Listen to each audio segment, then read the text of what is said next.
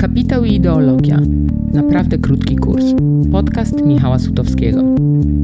Książka Kapitał i ideologia Tomasa Piketty'ego ukaże się w Polsce nakładem wydawnictwa krytyki politycznej. Toma Piketty będzie gościem krytyki politycznej 26 maja i wystąpi na debacie w warszawskiej świetlicy KP przy Jasnej 10. Ocieplenie klimatu wraz z narastaniem nierówności stanowią główne wyzwania, jakim nasza planeta musi stawić czoło na początku XXI wieku. Wiele danych sugeruje, że między tymi dwoma wyzwaniami istnieje ścisły związek i mogą one zostać rozwiązane tylko pod warunkiem, że zostaną potraktowane łącznie. Po pierwsze, wynika to z faktu, że emisje CO2 są bardzo skoncentrowane na małej grupie emitentów, osób o wysokich dochodach i dużych majątkach, mieszkających w najbogatszych krajach świata, zwłaszcza w Stanach Zjednoczonych. Po drugie, skala zmiany naszego stylu życia, która jest konieczna, by zmierzyć się z ociepleniem klimatu, jest tak znaczna, że jej akceptacja społeczna i polityczna nie będzie możliwa bez opracowania nowych, wymagających i sprawdzalnych norm sprawiedliwości. Trudno sobie wyobrazić, by osoby ze średnich i niższych kategorii społecznych, zarówno w krajach bogatych, jak i w gospodarkach wschodzących, były gotowe do dużego wysiłku, jeśli będą odnosić wrażenie, że klasy wyższe spokojnie sobie żyją, patrząc na nie z wyżyn swojego poziomu życia i emisji to słowa Tomasa Piketty'ego z rozdziału pod tytułem Elementy socjalizmu partycypacyjnego w XXI wieku, kapitału i ideologii. E, dziś będziemy rozmawiali o kwestii klimatycznej, o sprawiedliwości klimatycznej, o podatku od emisji dwutlenku węgla a moimi gościniami są dzisiaj aktywistki klimatyczne Wiktoria Jędroszkowiak. Dzień dobry. Dzień dobry. Oraz Dominika Lasota. Dzień dobry. Dzień dobry, cześć wszystkim. E, Thomas Piketty e, pisze o, bardzo dużo pisze o swoim e, rodzinnym kraju, o Francji. Francja stała się bardzo głośna w kontekście polityki klimatycznej za sprawą masowych, bardzo gwałtownych protestów ruchu tzw. Tak żółtych kamizelek, a więc e, przede wszystkim mieszkańców e, małych i średnich miast i wsi, e, ludzi korzystających z indywidualnego transportu, przede wszystkim z samochodów w dojazdach do pracy. Oni wyszli na ulicę, by zaprotestować bardzo ostro i zdecydowanie przeciwko wprowadzonemu w 2017 roku podatkowi od y, emisji CO2, który obciążał przede wszystkim, przekładał się na ceny e, paliw. E, to był manewr y, przygotowany przez środowisko, obóz polityczny prezydenta Emmanuela Macrona i e, celem tego ruchu było oczywiście wpłynięcie na wzory konsumpcji, to znaczy na to, żeby ludzie w mniejszym stopniu korzystali z samochodów, a żeby zanieczyszczający płacili. E, oczywiście za zanieczyszczenie w cudzysłowie atmosfery mm, e, emisjami CO2. No i właśnie, e, bardzo proekologiczny ruch mogłoby się wydawać, tak? Podatek od czegoś, co jest niewątpliwie szkodliwe, no to co poszło nie tak i czy może ciemny lud czegoś nie zrozumiał? Ja myślę, że żółte kamizelki to był Y, taki y, pierwszy tak wielki y, przykład tego, że wobec kryzysu klimatycznego nie możemy podchodzić do społeczeństwa pod tytułem, że wszyscy jesteśmy odpowiedzialni za ten kryzys, bo tak po mhm. prostu nie jest. Ten kryzys jest wywołany przez firmy związane z paliwami kopalnymi, jest wywołany przez konkretne, konkretnych polityków, jest, jest wywołany przez konkretne warstwy społeczne, najczęściej ludzi, przede wszystkim najbogatszych, którzy są odpowiedzialni za e, procentowo najwięcej emisji. No i ten krok podjęty przez prezydenta Macrona e, był jakby elementem tego, tego jego zielonego obrazka, który on tworzy od początku swojej tak naprawdę prezydencji, prezydentury, który, i to miał być taki krok właśnie, żeby pokazać temu po prostu wolnemu światu, wolnej Europie, że, że on się przejmuje tym kryzysem i na niego odpowiada. No tylko jeżeli odpowiedź ma wyglądać w taki sposób, że, e, że obarcza się odpowiedzialnością za ten kryzys osoby, które e, miały e, w, w nim najmniej udziału i też e, mają jakby najmniej decyzyjności tak naprawdę w kwestii chociażby przemysłu paliw kopalnych, który jest źródłem, największym źródłem emisji, no to, no to nie można oczekiwać, że to będzie dobre rozwiązanie, bo to nie jest po prostu rozwiązanie sprawiedliwe.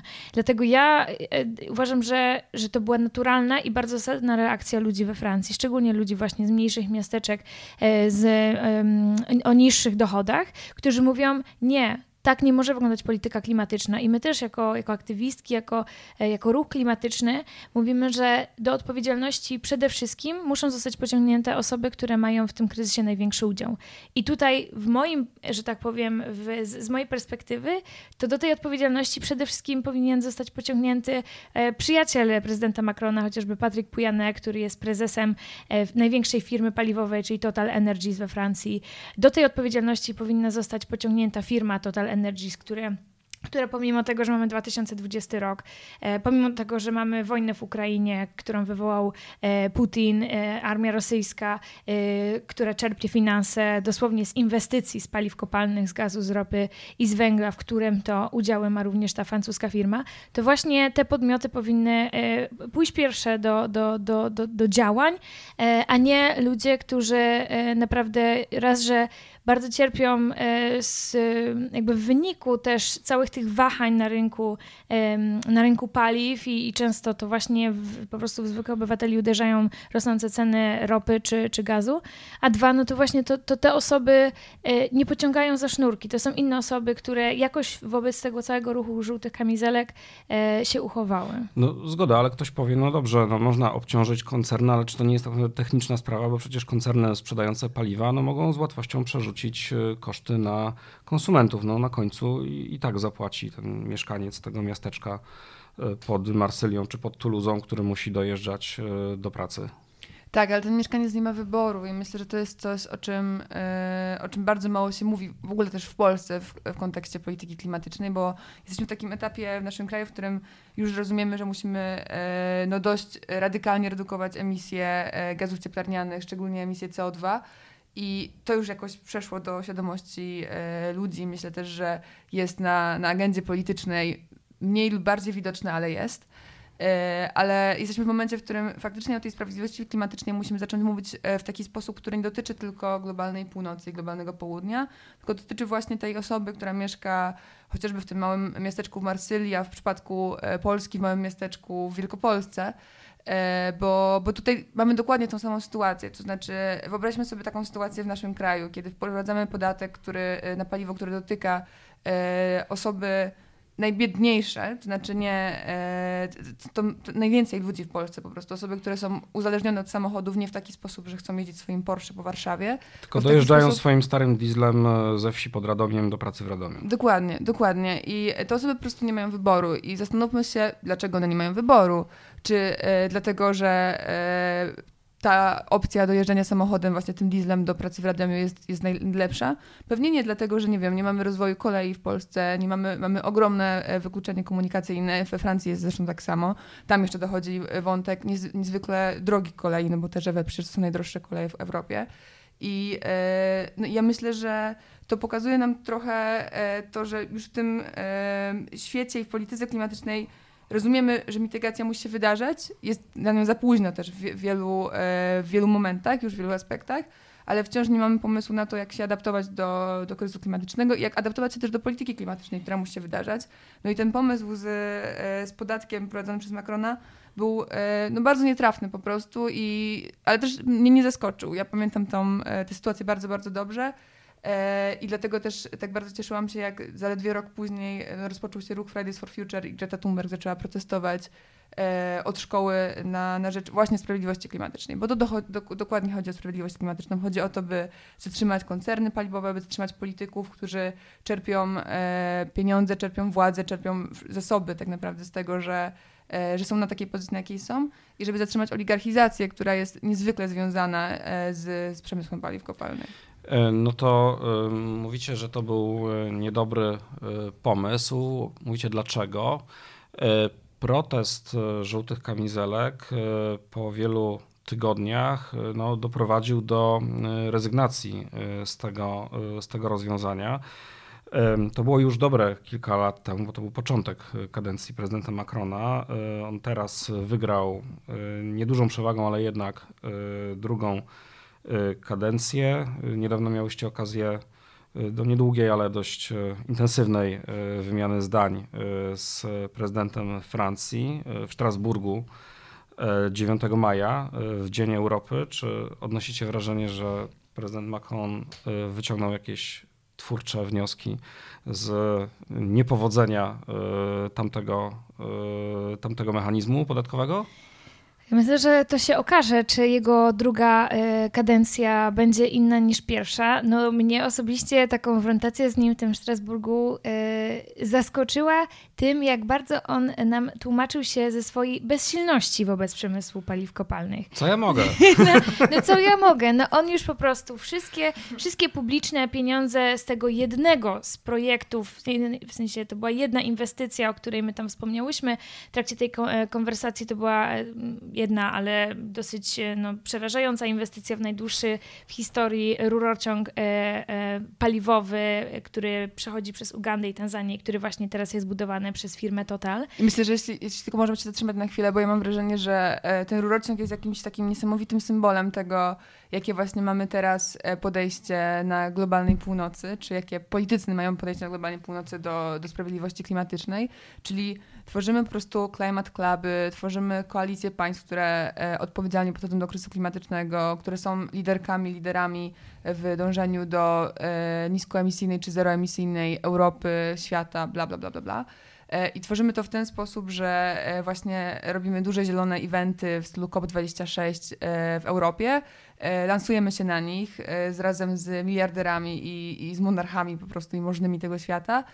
Po czym wciąż tak naprawdę udajemy, że nie mamy wpływu na budowę największego rurociągu w historii. W sensie powiedzmy to głośno, największy rurociąg historii, który dosłownie przecina serce Afryki, który z jednej strony wysysa wodę z największego jeziora na świecie, czyli z jeziora, chyba największego jeziora na świecie, e, czyli jeziora Wiktorii, e, który e, przemieszcza ludność, a przecież tak dużo mówimy teraz o migracji, również mówimy tak dużo teraz o rasizmie migra migracyjnym w kontekście też naszego kraju i te państwa, właśnie zachodnia Europa, globalny, globalna północ, bo myślę, że Polska nie zalicza się do nich mimo wszystko i, i nie jest jeszcze w tym momencie, w którym no, my rozdajemy karty, czy my jesteśmy ważni, jeśli chodzi o, otworzenie tej polityki klimatycznej, e, czy jakiejkolwiek polityki tak naprawdę.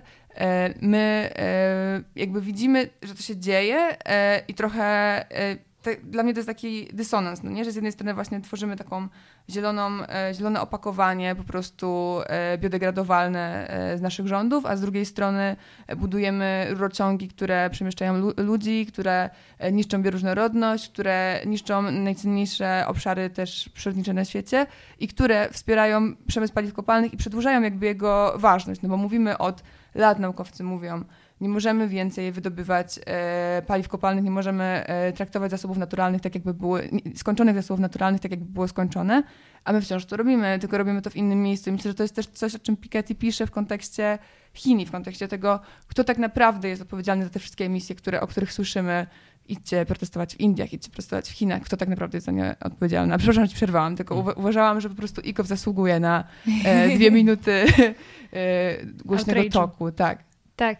No i um, my rozmawiamy, my się go dopytujemy w takim razie e, e, jakby bądź prezydentem, który zakończy erę paliw kopalnych. Możesz publicznie powiedzieć, sprzeciwiasz się temu projektowi, koniec, możesz, masz, jest tyle, no ja w głowie przecież jakby my osoby dwudziestoletnie nie z Francji jesteśmy w stanie wymyśleć, myślę, spokojnie z 10 kroków, które on mógłby podjąć, żeby zatrzymać ten straszny projekt, ale przede wszystkim mógłby po prostu publicznie, publicznie powiedzieć, że nie, koniec i to już by wywołało duży sygnał, a on stoi przed nami i on nam mówi, że on tak naprawdę już wszystko zrobił, że przecież środki publiczne już są wycofane, to nie nic, że Francja, e, rząd francuski i firma Total Energies myślę, że są prawie że w małżeństwie i te środki publiczne tam i tak wpływają w różny, e, w różny e, inny sposób, a Macron jest przyjacielem z CEO firmy Total, to on, on jakby opowiada i pokazuje siebie jako tego zielonego lidera, który chce zmian, ale w obliczu tego wielkiego potwora, jakim jest przemysł paliw kopalnych, on jest po prostu bezsilny i zrobi już wszystko. Co jest oczywiście nieprawdą, bo to jest kłamstwo. To jest po prostu kłamstwo i to trzeba jakby jasno, jasno o tym i bardzo klarownie o tym opowiadać, bo e, bo on ma pełną władzę do tego, żeby zatrzymać ten przemysł we Francji, żeby zatrzymać jego działania na całym świecie. No jeżeli prezydent jednej z największych gospodarek świata, jednej z największych sił politycznych świata mówi nam, że on już generalnie wobec Totala zrobił prawie że wszystko, no to, no to mi się chce śmiać, no bo to jest, to jest taki poziom absurdu i niepowagi e, wobec tej sytuacji e, i też takiego, mam wrażenie, e, już przerażającego, przerażającej próby zrzucenia z siebie odpowiedzialności, że y, no, nasza, nasza, nasza teraźniejszość to już jakby to powiedzieć, że jest w jakimś kompletnym e, niebezpieczeństwie, to jest, to, to jest mało powiedzieć. Mm. Ale też, e, jeśli jeszcze mogę tylko dodać, to e, Francja e, jest krajem, który obecnie, i Macron przez to też, jest obecnie, e, e, ma prezydenturę w Unii Europejskiej i, i wydaje mi się, że to jest bardzo znamienne, dlatego że to, o co my walczymy też z Dominiką od jakiegoś czasu i z naszymi e, przyjacielami, przyjaciółmi i, i przyjaciółmi przyjaciółkami e, z, z aktywizmu, e, to embargo, pełne embargo na e, wszystkie paliwa kopalne z Rosji.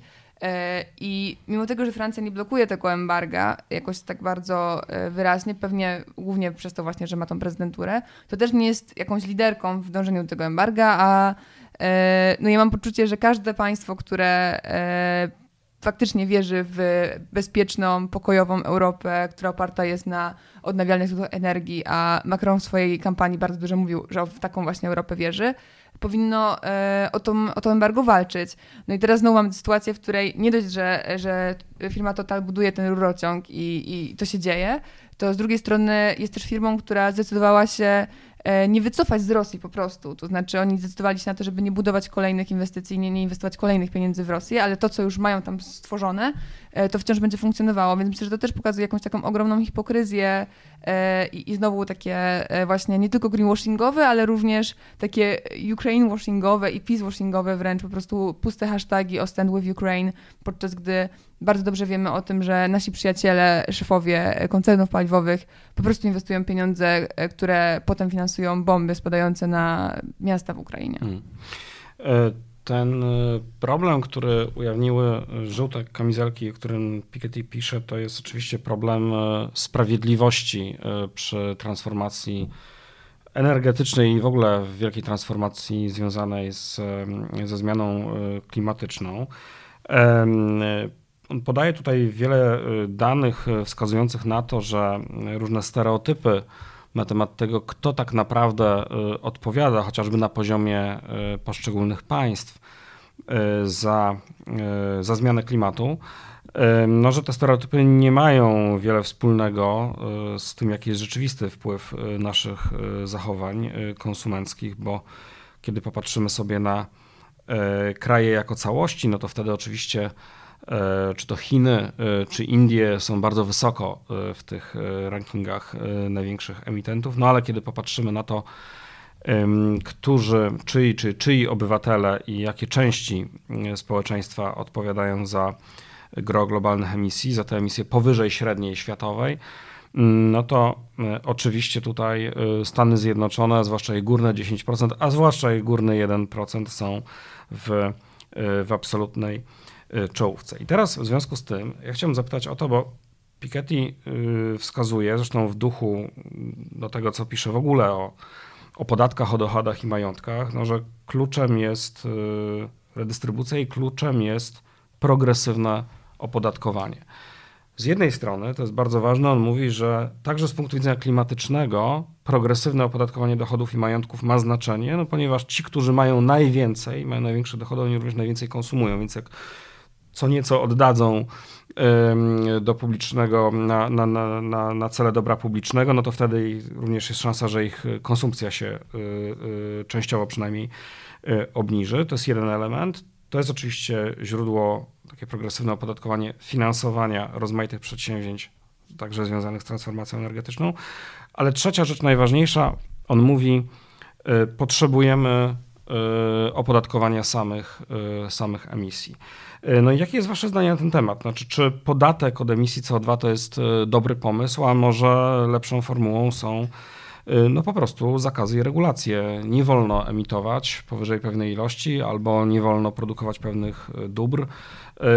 Gdzie wy się sytuujecie w tym sporze? To znaczy, bo to jest trochę taki spór między właśnie rozwiązaniami stricte ekonomicznymi, a takimi bardziej kojarzonymi tradycyjnie z funkcjami regulacyjnymi państwa, prawda? Czyli takim, które mówi, czy chodzi o takie mechanizmy, kiedy mówimy y, nie, po prostu nie wolno na przykład y, jeździć samochodem na autostradzie powyżej pewnej y, prędkości, prawda? co ostatnio było przedmiotem sporu w Niemczech. To znaczy, gdzie, gdzie, gdzie z waszego punktu widzenia należy szukać rozwiązań?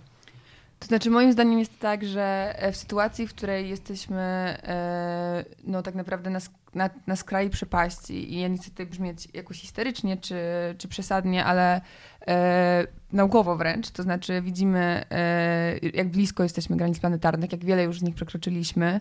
E, I w sytuacji, w takiej sytuacji wydaje mi się, że czas powiedzieć sobie, dotychczasowe rozwiązania, które mamy, nie, nie zdają egzaminu dotychczasowe rozwiązania i próby... Czyli e, handel emisjami, tak? Tak. E, I w, taki, w takiej postaci, w jakiej mamy go teraz, no nie? E, implementacja e, porozumienia paryskiego nie zdaje egzaminu, bo po prostu nie spełniamy jego wymagań i te cele, które były wyznaczane przez naukowców 5, 10, 15 lat temu, nie dzieją się teraz i, i mimo tego, że możemy oczywiście mówić sobie o tym, że no, ale emitujemy mniej niż w 2019 roku, no, ale emitujemy mniej niż w 2018 roku, no to myślę, że te zmiany są tak e, no, e, na marginesie po prostu, że, że są nieistotne w kontekście kryzysu i katastrofy, z którą się mierzymy i też w kontekście kryzysu, który przypomnijmy, że napędza inne kryzysy i, i będzie tworzył sytuację, w której no, tak naprawdę nie, nie jesteśmy w stanie przewidzieć, co stanie się po przekroczeniu półtora stopnia. E, mamy jakieś e, po prostu estymacje na ten temat, co stanie się, gdy będziemy, e, gdy osiągniemy temperaturę globalną na, na poziomie 2 stopni Celsjusza, na poziomie 3 stopni Celsjusza, ale to są wszystko estymacje, które no, nie są idealne i, i nie będą idealne do momentu, aż w którym, w którym to zobaczymy i, i też mamy bardzo wyraźny głos po ostatnim raporcie IPCC ze strony naukowej o tym, że jest gorzej niż myśleliśmy, że będzie.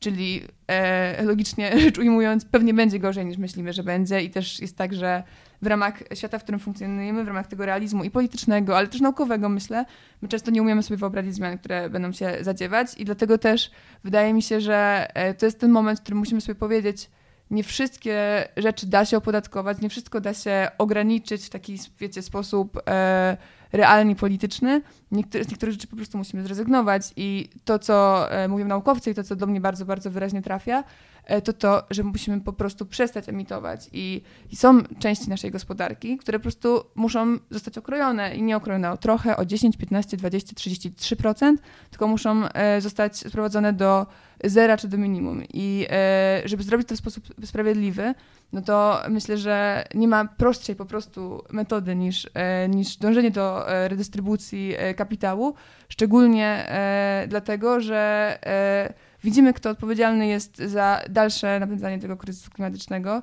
e, i kto nie poczuwa się do odpowiedzialności na takim poziomie, na którym powinien się poczuwać. I, i myślę, że tutaj ten jeden promil tak naprawdę, nawet nie procent, tylko jeden promil najbogatszych ludzi na świecie, e, to, to, właśnie, są, to właśnie są oni. I e, też wydaje mi się, że to, co do mnie bardzo trafiło podczas COP26 i, i było dla mnie bardzo istotne, to, to jak bardzo przy każdym punkcie tak naprawdę kolejnej polityki klimatycznej, przy każdej nowej ustawie, też na poziomie krajowym, zawsze zastanawiamy się i zawsze uwzględniamy bardzo, bardzo wyraźnie e, to, no dobrze, ale jaki będzie z tego zysk? To znaczy, faktycznie tam pytania, które padają, to nie są pytania o common people of Poland, o common people from France i tak dalej, tylko pytamy o to, co z tymi osobami, które przez tyle lat przecież inwestowały w te paliwa kopalne, jak zadbać, wiecie, o właścicieli e, Totala, jak, jak zadbać o Orlen, a nie pytamy o to, jak zadbać o pracowników tych, e, tych koncernów, czyli po prostu zwykłych ludzi.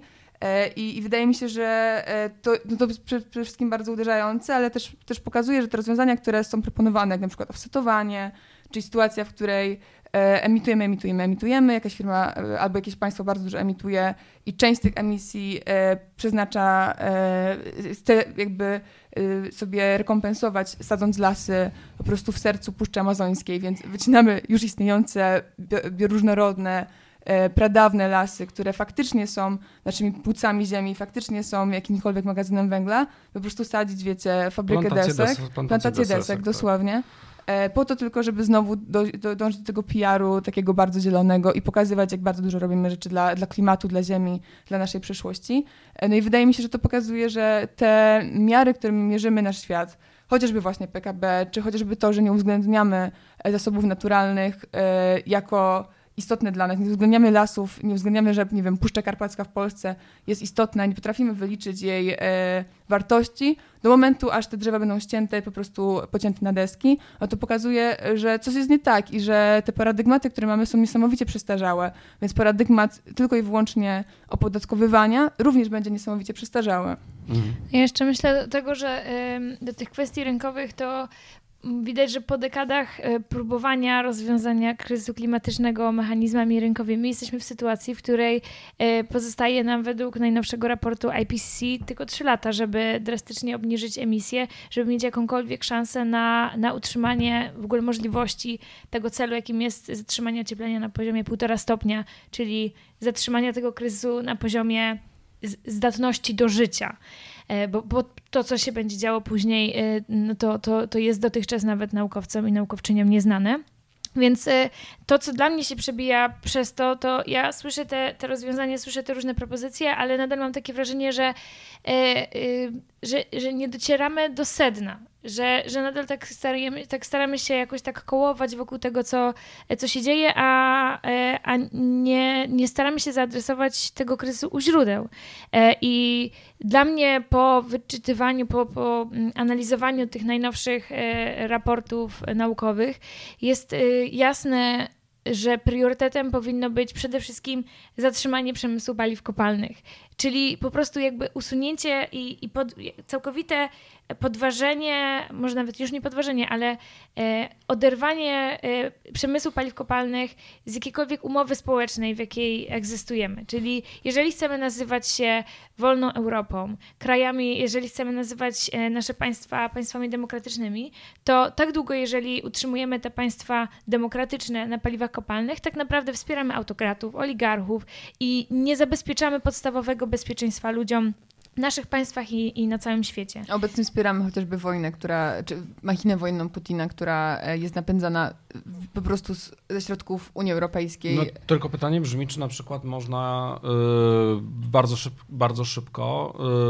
y, zaprzestać finansowania machiny wojennej Putina, Y, nie korzystając y, z źródeł kopalnych y, energii, które pochodzą od innych krajów mhm. autorytarnych. Znaczy, kiedy mhm. minister gospodarki klimatu Niemiec Robert Habeck pojechał do Kataru załatwiać kontrakty na gaz płynny dla Niemiec, dla niemieckiej gospodarki, no to on w zasadzie bez złudzeń mówił, że no, użył takiego sformułowania, że no oczywiście możemy mieć różne zastrzeżenia, czy mamy różne zastrzeżenia, albo czy budzi różne wątpliwości y, ta współpraca, no ale jeśli mamy odciąć gaz z Rosji i gospodarka niemiecka ma się nie zawalić, no to potrzebujemy gazu skądinąd. Mhm. Y, I no w związku z tym, bo ponieważ y, transformacja energetyczna jest rozłożona na lata, tak, z powodów mhm. nawet technicznych, nie tylko politycznych, no i właśnie, czy, czy nie jest tak, że, że na pewnym etapie jesteśmy skazani na to, przynajmniej przejściowo, na to, żeby korzystać e, ze źródeł kopalnych, e, choć zwłaszcza mieszkając w Polsce, czyli mając Ukrainę za swoją wschodnią granicą, pewnie najszybciej byśmy chcieli, żeby no żebyśmy najszybciej właśnie zrezygnowali z paliw kopalnych pochodzących z tamtego kierunku. No to jest, y, to jest ciekawe, co się dzieje obecnie w kontekście embarga na rosyjskie paliwa kopalne, bo z jednej strony pojawiają się te głosy i słyszymy Ursulę von der Leyen, która w rozmowie z nami mówi, tak, faktycznie ta wojna e, wybierze się z paliw kopalnych, Europa musi się jak najszybciej odciąć całkowicie od paliw kopalnych, bo to zawsze oznacza brutalność wojny, niebezpieczeństwo, kryzysy, wspieranie autokratów itd., tak itd. Tak A z drugiej strony potem, dosłownie 5 minut po powiedzeniu tego zdania mówi, no ale teraz strategicznie e, to ona woli, to ona woli podejmować umowy na paliwa kopalne, na przykład ze Stanami Zjednoczonymi, kupować gaz od Stanów Zjednoczonych, żeby nie wspierać, e, nie wspierać Putina i nie wspierać wojny w Ukrainie.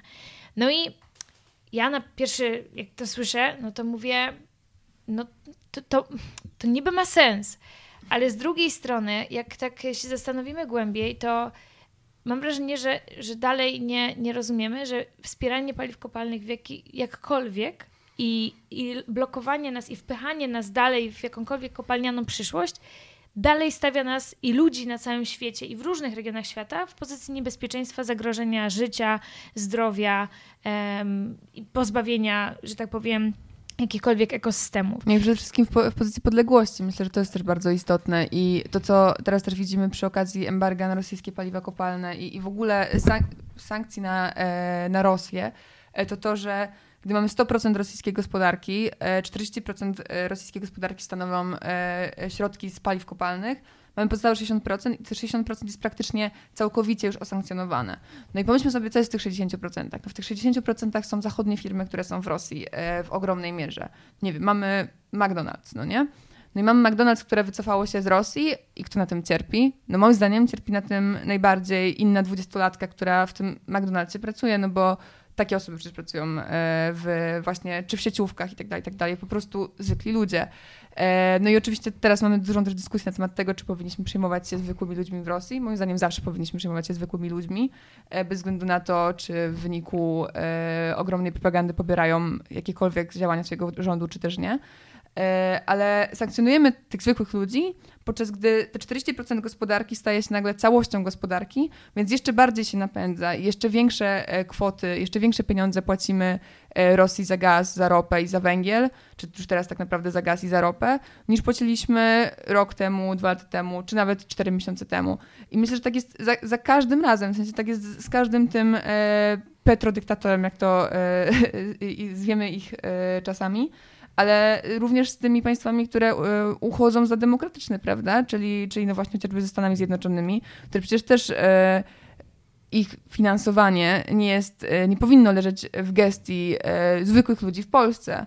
I wydaje mi się, że to jest taki wyraźny sygnał, że to, co musimy zrobić faktycznie w tym momencie, to e, bardzo wyraźnie mówić, że odejście od paliw kopalnych nie jest tylko mrzonką o lepszej przyszłości, o jakiejkolwiek przyszłości, o zielonej transformacji, tylko jest racją stanu i jest e, w interesie każdej i każdego z nas. Tylko by to zrobić, musimy faktycznie umożliwić ludziom rozproszone odnawialne źródła energii, musimy umożliwić ludziom fotowoltaikę, e, którą mogą mieć na swoich dachach. I teraz myślę, że to jest też nasze zadanie jako aktywistek klimatycznych i, i mam nadzieję też e, jako mediów, e, by, by mówić bardzo, bardzo wyraźnie o tym, że to jest czas na to, by e, teraz boom na fotowoltaikę, czy boom na e, w ogóle odnawialne źródła energii, nie był w ręce na przykład Orlenu w Polsce, w kolejnej ogromnej firmy i po prostu jednego z, jednej z bogatszych osób w Polsce, czyli Daniela Obajtka, tylko żeby to było rozproszone, żeby to było w ręce Michała, Dominiki, Wiktorii, moich rodziców, mojej siostry itd., tak itd. Tak I myślę, że to jest coś, co, co jest niesamowicie istotne. No i jeszcze tylko dodając do tego, to um, widzimy też, że politycy um, jednocześnie jakby dostrzegają to, że te paliwa kopalne są już całkowicie niezasadne od jednego dyktatora, jakim jest Putin, ale e, potem, kiedy przechodzi do rozwiązań, to nagle już to, to się zaczyna robić takie mniej klarowne, już mamy mniejszy konsensus i na przykład w kontekście Niemiec, o których wspomniałeś, no to jest tak, że e, teraz e, rząd niemiecki proponuje, że oni wybudują siedem e, elektrowni, czy tam takich terminali na LNG, czyli na, na, na płynny gaz w Niemczech, żeby zastępować gaz od Putina gazem z, z innych regionów świata. No i ruch niemiecki Fridays for Future pyta się, dopytuje się w mediach, dopytuje się gdzieś tam polityków, dopytuje się ekspertów, ale dlaczego siedem terminali gazowych? I próbowano zrobić tam jakieś ekspertyzy, próbowano dopytać rządu, dlaczego akurat tyle, a nie na przykład 10 albo nie na przykład 3 i oni nie są w stanie znaleźć odpowiedzi. A jednocześnie te pieniądze, które idą na budowę tych, tej nowej infrastruktury paliw kopalnych, te pieniądze równie dobrze można by przełożyć na rozbudowanie elektrowni wiatrowych, elektrowni fotowoltaicznych i już w tym momencie decydować na to, że przestawiamy się na coś zupełnie innego, na przemysł, na, na, na sektor, który jest potencjalnie właśnie demokratyczny, bardziej rozproszony, suwerenny i nie w rękach oligarchów, tylko w rękach zwykłych ludzi. Ale, Ale te decyzje nie są podejmowane w tym momencie. Te decyzje nadal są w kierunku wspierania ropy, gazu, węgla z innych regionów świata, a nie wspierania ludzi tu i teraz e, i, i czystej, pokojowej energii. I to o to nam chodzi, że w tym momencie wojna w Ukrainie pokazuje, jak myślę, nigdy wcześniej w Europie, że paliwa kopalne stoją właśnie za takim, za, za przemocą, za brutalnością, za, za wojnami, za konfliktami na całym świecie, a jednocześnie tworzą nam kryzys klimatyczny i, i tak naprawdę stawiają nas wszystkich w pozycji ogromnego niebezpieczeństwa. Jednocześnie są narzędziem u władzy osób, które, które ludzkie życie uważają za nic, bo Putin jest taką osobą. I one, ale one takie są z zasady, bo paliwa kopalne z Arabii Saudyjskiej, czy paliwa kopalne z Wenezueli, czy też paliwa kopalne z USA, one też powodują niebezpieczeństwo, wysiedlenie ludzi i, i te kryzysy.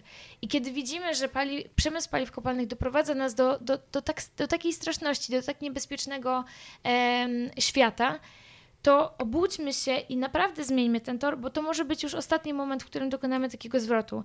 Wiemy, że teraz dużo środków publicznych, generalnie dużo pieniędzy jest w takim, no, no, no, no, porusza się, bo wojny są takim czasem, że wiadomo, że te środki się poruszają.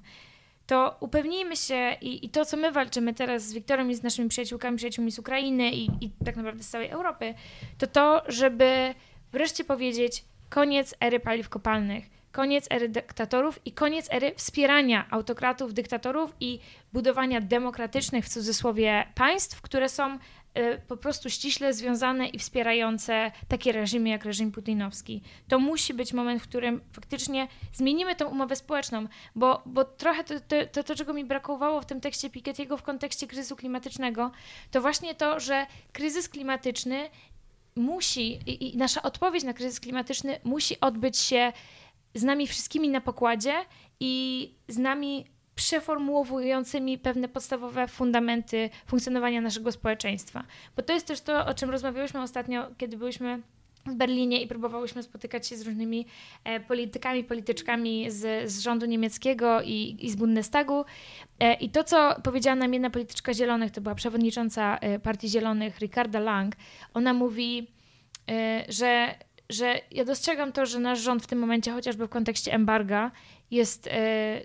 Popełnia straszną, straszny błąd i to, to nie jest dobre, że nie odcinamy się, bo musimy się jak najszybciej jako Niemcy odciąć od, od, od paliw kopalnych od Putina. Natomiast to, co jest ważne, to to, że nasza odpowiedź jest wolna i wiem, że jest wolna i z nami się nie zgadzacie, ale staramy się wziąć ludzi na pokład. Ludzie w Niemczech nadal nie rozumieją, że po dekadach przyjaźni z Putinem, po dekadach, kiedy kanclerz Merkel po prostu z Putinem się uśmiechała do zdjęć i podpisywała kolejne e, pakiety współpracy ekonomicznej, że ludzie nadal nie rozumieją, że musimy to skończyć i musimy ich wziąć na pokład i wytłumaczyć im, rozmawiać publicznie, e, prowadzić tą debatę i uświadamiać ich, że ta era musi się skończyć, ale to zajmie nam trochę czasu. Ale to dla mnie było dosyć wyjątkowe, żeby to usłyszeć, bo, bo dla mnie odpowiedź na kryzys klimatyczny to nie może być tylko o jakiejś legislacji, o jakimś pakiecie podatków czy czegoś takich regulacjach, które dla ludzi nie brzmią jak jak jakaś misja, a odpowiedź na kryzys klimatyczny to jest pewna misja. Tak jak wojna, to też jesteśmy na pewnej, pewnej, na, na pewnej e, misji w tym momencie. E, no i dla mnie e, bez powiedzenia wyraźnie koniec ery paliw kopalnych tu i teraz, tak jak starałyśmy się to powiedzieć Emmanuelowi Macronowi, który myślę średnio to jeszcze zrozumiał, tak musimy to sobie mówić wszędzie i, i nasi politycy muszą to mówić i muszą zrozumieć, że, że na to już nie ma miejsca, jeżeli mamy zapewnić jakiekolwiek bezpieczne warunki po prostu przyjścia tu w Polsce, we Francji, w państwach afrykańskich, w Azji, wszędzie. I to jest też istotne e, w tej sytuacji, w której e, my tak dużo mówimy o tym, że powinniśmy mieć boom na fotowoltaikę, że słońce i wiatru nie da się zakręcić, więc to właśnie odnawialne źródła energii są tymi, w które powinniśmy inwestować. Ale to też jest ogromna przestrzeń dla kolejnych oligarchów, dla kolejnych firm, chociażby paliwowych, które próbują zacząć teraz inwestować i przechwytywać na przykład ustawę odległościową w Polsce, co się dzieje teraz w tym momencie przez Orlen. To jest znowu jakiś sygnał dla nas i myślę, że też żółte kamizelki są taką lekcją dla nas i to, o czym mówiła Dominika, jest lekcją dla nas, e, by nie, by przestać e, opierać wszystko, e, co, co funkcjonuje w energetyce, e, na firmach, na ekonomii, która jest przestarzała, żebyśmy zaczęli o tym myśleć jako, e, jako o e, części naszego życia, która jest niezbędna. Energetyka jest niezbędna do życia. Prąd powinien być moim zdaniem prawem człowieka i, i to jest bardzo, bardzo istotne. To, że żebyśmy mieli ciepło w domu też jest, jest naszym prawem po prostu. E, I e, te wszystkie rzeczy doprowadzają nas do takiego momentu, w którym nie możemy pozwolić na to, żeby fotowoltaika, żeby odnawialne źródła energii w ogóle e, były w rękach kolejnych oligarchów, tylko musimy patrzeć na to, by e, faktycznie, jeśli chcemy budować pokój, jeśli chcemy budować bezpieczeństwo, Europę, która będzie sprawiedliwa, bezpieczna, pokojowa, to musimy zrobić wszystko, by te odnawialne źródła energii były synonimem pokoju. Teraz jeszcze nie są synonimem pokoju. Wczoraj właśnie e, przeglądałam Twittera i, i mój e, przyjaciel, nasz, nasz przyjaciel z, z ruchu klimatycznego wrzucił na Twitterze informację o tym, że w otulinie planowanego Turnickiego Parku Narodowego planowane są kolejne e, inwestycje w pola fotowoltaiczne. No i pytanie, czy to jest zasadne i czy to jest polityka klimatyczna? Nie wydaje mi się. I to jest znowu e, zysk, który e, będzie kierowany do jednej firmy, do jednej, jednej osoby tak naprawdę. Z drugiej strony niszczenie e, tego, co najcenniejsze i tego, e, co powinniśmy bardzo chronić w kontekście kryzysu klimatycznego również i w kontekście kryzysu bioróżnorodności. Więc myślę, że to też jest dla nas jakiś taki wyraźny sygnał, że my nigdy nie próbujemy powiedzieć OZE zawsze równa się pokój, ale paliwa kopalne zawsze równają się, się wojną. Mm. Y, Na pewno poza tą, y, obok tej kwestii y, przełożenia tego, jaką mamy energetykę na to, czy mamy wojny na świecie, istotne będzie dlatego, żeby to w ogóle się mogło powieść, istotne będzie to poczucie na pewno, to jest też wniosek płynący z żółtych kamizelek, poczucie y, społeczeństwa, że ten proces odbywa się y, na zasadach, które uwzględniają możliwości i potrzeby bardzo nieproporcjonalne, bardzo różne wśród różnych warstw społecznych. Progresja podatkowa, czy to w obszarze podatków dochodowych, czy majątkowych, czy spadkowych z jednej, a z drugiej strony podatków związanych z emisjami y, y, gazów cieplarnianych, to są te sfery, te obszary, które Thomas Piketty wskazuje jako niezbędne warunki do tego, aby w ogóle ten proces mógł się powieść na poziomie, na poziomie politycznym, to znaczy, żeby nie tylko najzamożniejsi, najwięcej konsumujący, najbardziej odpowiadający za emisję CO2 dokładali się w największym stopniu do, do transformacji, ale też, żeby koszty tej transformacji dla y, warstw y, gorzej sytuowanych były y, rekompensowane. O bardzo konkretnych propozycjach na ten temat przeczytacie Państwo między innymi w rozdziale Socjalizm partycypacyjny w XXI wieku książki Kapitał i ideologia Thomasa Piketty'ego w przekładzie Beaty Geppert. E, To był przedostatni odcinek naszego podcastu. Będzie jeszcze jeden z, myślę, interesującym y, gościem, ale to już po wizycie Thomasa Piketty'ego y, w Polsce. Dzisiaj moimi rozmówczyniami były aktywistki klimatyczne Wiktoria Jędroszkowiak i Dominika Lasota. Dzięki bardzo. Wielkie dzięki, dzięki Dzięki za zaproszenie. Ja zapraszam Państwa do odsłuchiwania podcastów tych kolejnych archiwalnych na e, platformach takich jak SoundCloud, Apple Podcast czy Spotify, a także na stronę www.krytykapolityczna.pl ukośnik podcast. Ja nazywam się Michał Sutowski. Dziękuję za uwagę. Do usłyszenia.